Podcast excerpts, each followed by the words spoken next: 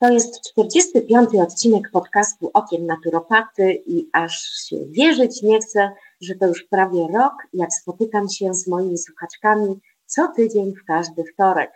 A dzisiaj ten właśnie odcinek podcastu jest ostatnim odcinkiem sezonu pierwszego. Potem będzie przerwa wakacyjna i po wakacjach wrócę do Was z drugim sezonem podcastu, lecz w nieco zmienionej formule, gdzie będziemy zajmować się bardzo kobiecymi tematami związanymi z okresem okołomenopauzalnym. A jak jesteśmy przy okołomenopauzalnych bolączkach, czy nie zdarzyło się Wam chociaż raz zaparkować samochód na parkingu pod dużym centrum handlowym i po wyjściu z zakupów nie pamiętać, gdzie stoi Wasze auto?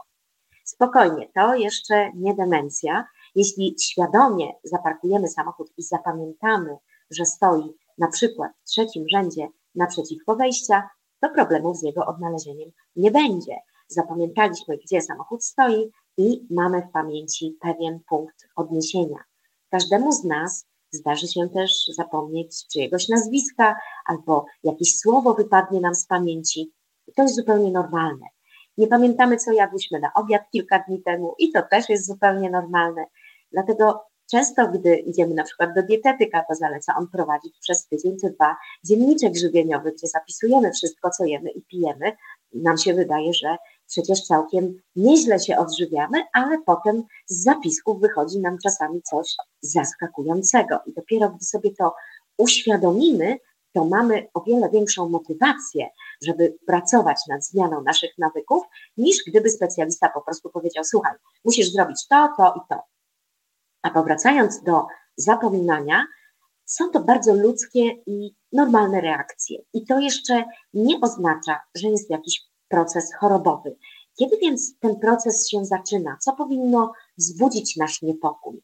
Mówiłam już o tym w odcinku 43 podcastu, kiedy czujemy, że nasz mózg zwolnił obroty, że bardzo szybko się męczy i brak mu wytrzymałości. To jest taki pierwszy niepokojący sygnał niezwykle często ignorowany i zrzucany na kark starzenia się, stresu albo przepracowania i przemęczenia. Już za kilka dni, w najbliższą sobotę, poprowadzę warsztaty, jak zachować sprawny mózg. Jeśli chcesz zdobyć wejściówkę na te warsztaty, to wystarczy wejść na stronę akademiawitalności.pl, sprawny kreska mózg, oczywiście wszystko bez polskich znaków.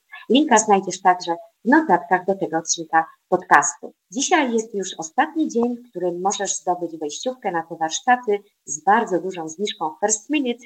Od jutra cena idzie w górę, więc nie warto zwlekać. Oprócz tego każdy uczestnik warsztatów otrzyma receptariusz domowy, jak zachować sprawny mózg. Jest to moje najnowsze opracowanie, niedostępne nigdzie indziej.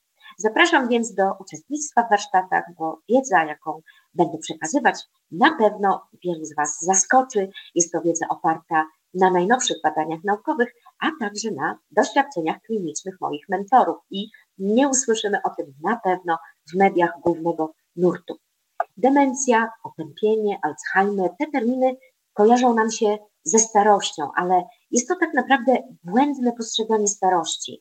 Dawniej starszy człowiek był godzien szacunku, kojarzony był z krynicą mądrości i życiowego doświadczenia, które mógł przekazać kolejnym pokoleniom. Dzisiaj żyjemy w kulcie młodości. Starość jest przedstawiana jako czas chorób, zniedołężnienia i oczywiście utraty funkcji kognitywnych. Jest to całkowicie zakrzywiony obraz, ponieważ my mamy wszystkie ku temu warunki, aby żyć zdrowo i w pełni jasności umysłowej aż do końca. Czy geny mają znaczenie? Owszem, ale w dużo większym stopniu zależy to od środowiska, w jakim żyjemy, jak również od naszych codziennych nawyków. Środowiska raczej nie zmienimy, bo trudno dzisiaj w 100% uwolnić się od zanieczyszczeń środowiskowych, ale na pewno jesteśmy w stanie zmienić nasze codzienne nawyki. A jest pięć takich, które wybitnie niszczą naszą pamięć. Jakie to nawyki?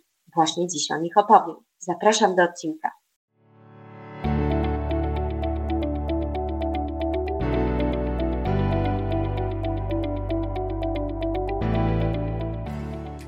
Cześć, słuchasz podcastu Okiem Naturopaty Nazywam się Marlena Bandari, wspieram kobiety w osiąganiu pełni zdrowia, dobrostanu i witalności, aby mogły doświadczać życia opartego na jedności ciała, umysłu i ducha. Pokażę Ci, jak możesz pomóc sobie i swoim bliskim, wykorzystując wszystko to, co oferuje nam natura, by odzyskać więcej witalności, spokoju umysłu i pogody ducha. Jeśli poszukujesz inspiracji, porad i motywacji, aby podróż do pełni dobrostanu oddać w ręce natury, zapraszam do podcastu Okiem Naturopaty.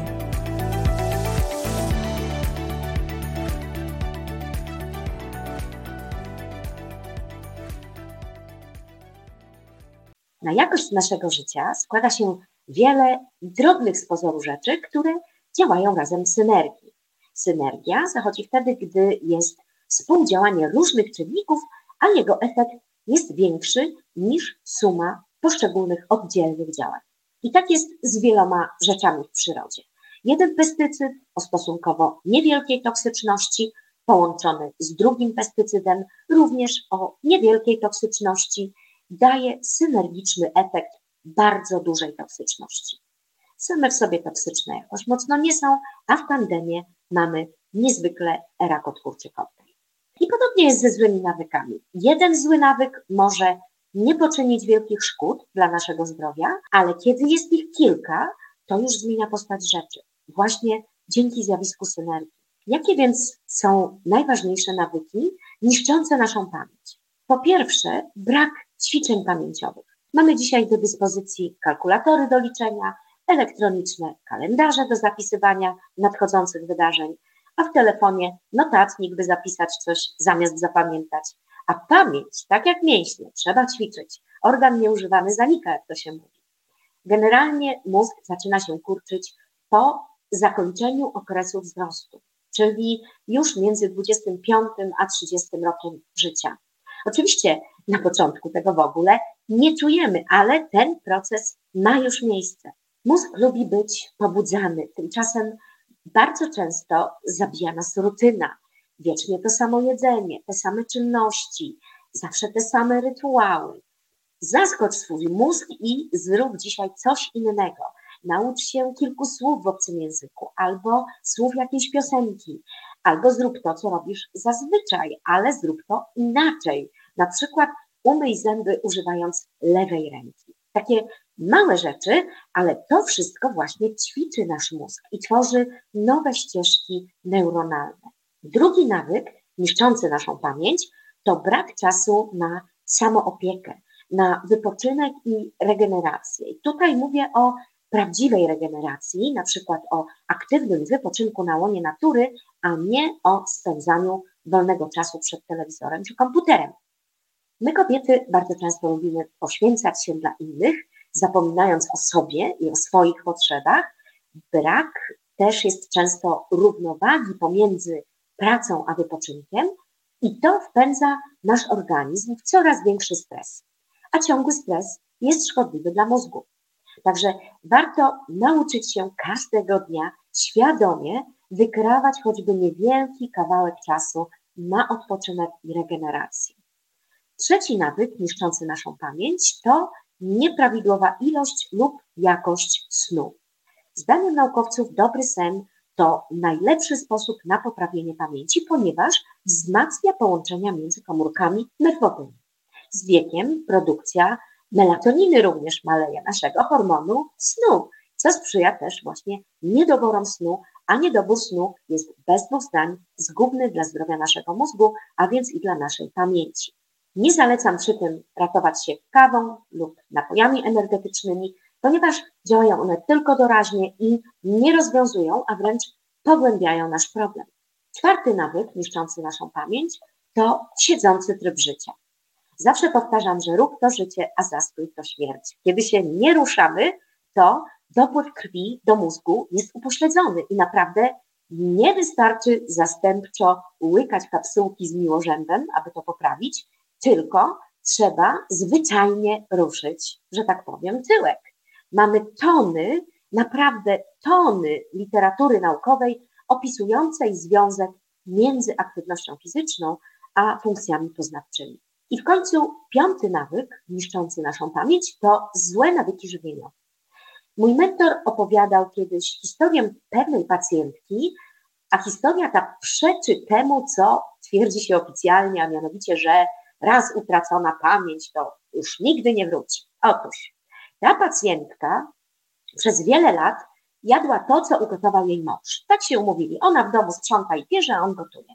No ale niestety asem w kuchni to on nie był i para żywiła się głównie daniami gotowymi, które można dostać w marketach. Na śniadanie nieśmiertelne tosty z drzemem i kawa, a na kolację znowu jakieś kanapki. No i tak minęło 50 lat małżeństwa, po czym u kobiety pojawiły się uprzykrzające życie problemy z pamięcią, a lekarz, do którego się zgłosiła, wysunął podejrzenie Alzheimera. Na miesiąc trafiła ona wtedy do dobrej prywatnej kliniki w mieście, gdzie mieszkała jej córka, i tam robiono kobiecie dalsze badania i jednocześnie też zmieniła się jedna rzecz. W klinice tej kobieta dostawała prawdziwe, świeże jedzenie, a dodatkowo jeszcze córka donosiła jej warzywne soki i zielone koktajle robione w domu ze świeżych warzyw i owoców. Po miesiącu kobieta ta była w dużo lepszym stanie umysłowym, poprawiła się jasność umysłu, poprawiła się pamięć, a stało się to tylko za pomocą zmiany żywienia i zmiany środowiska. Na warsztatach opowiem Wam dużo więcej takich pokrzepiających historii, bo problemy z pamięcią, owszem, lubią się z czasem pogłębiać, ale tak dzieje się wtedy, gdy nic z tym nie robimy. A często nie robimy, bo nie wiemy, co takiego można zrobić. A jest bardzo dużo rzeczy, bardzo dużo takich rzeczy, które można zrobić, oprócz tych omówionych dzisiaj, pięciu rzeczy, czyli ćwiczeń pamięciowych, snu, ruchu, odżywiania i samoopieki. O wszystkim będę ze szczegółami mówić na warsztatach, na które jeszcze raz serdecznie zapraszam. Przypomnę, że spotykamy się na żywo w tę sobotę 29 lipca o godzinie 19, a jeśli ktoś nie może być na żywo, te warsztaty będą też nagrywane, żeby można je obejrzeć w dogodnym czasie. Tymczasem na dziś to już wszystko. Widzimy się, mam nadzieję, w sobotę na warsztatach, a w podcaście usłyszymy się po wakacjach w sezonie numer dwa. Trzymajcie się, cześć. Dziękuję, że wysłuchałaś do końca tego odcinka podcastu. I jeszcze informacja, że podcast ma cele edukacyjne i informacyjne, nie stanowi porady medycznej i nie ma na celu jej zastąpienia. Naturoterapeuta nie wchodzi w relację lekarz-pacjent. Pozostawajcie w zdrowiu i do usłyszenia w kolejnym odcinku.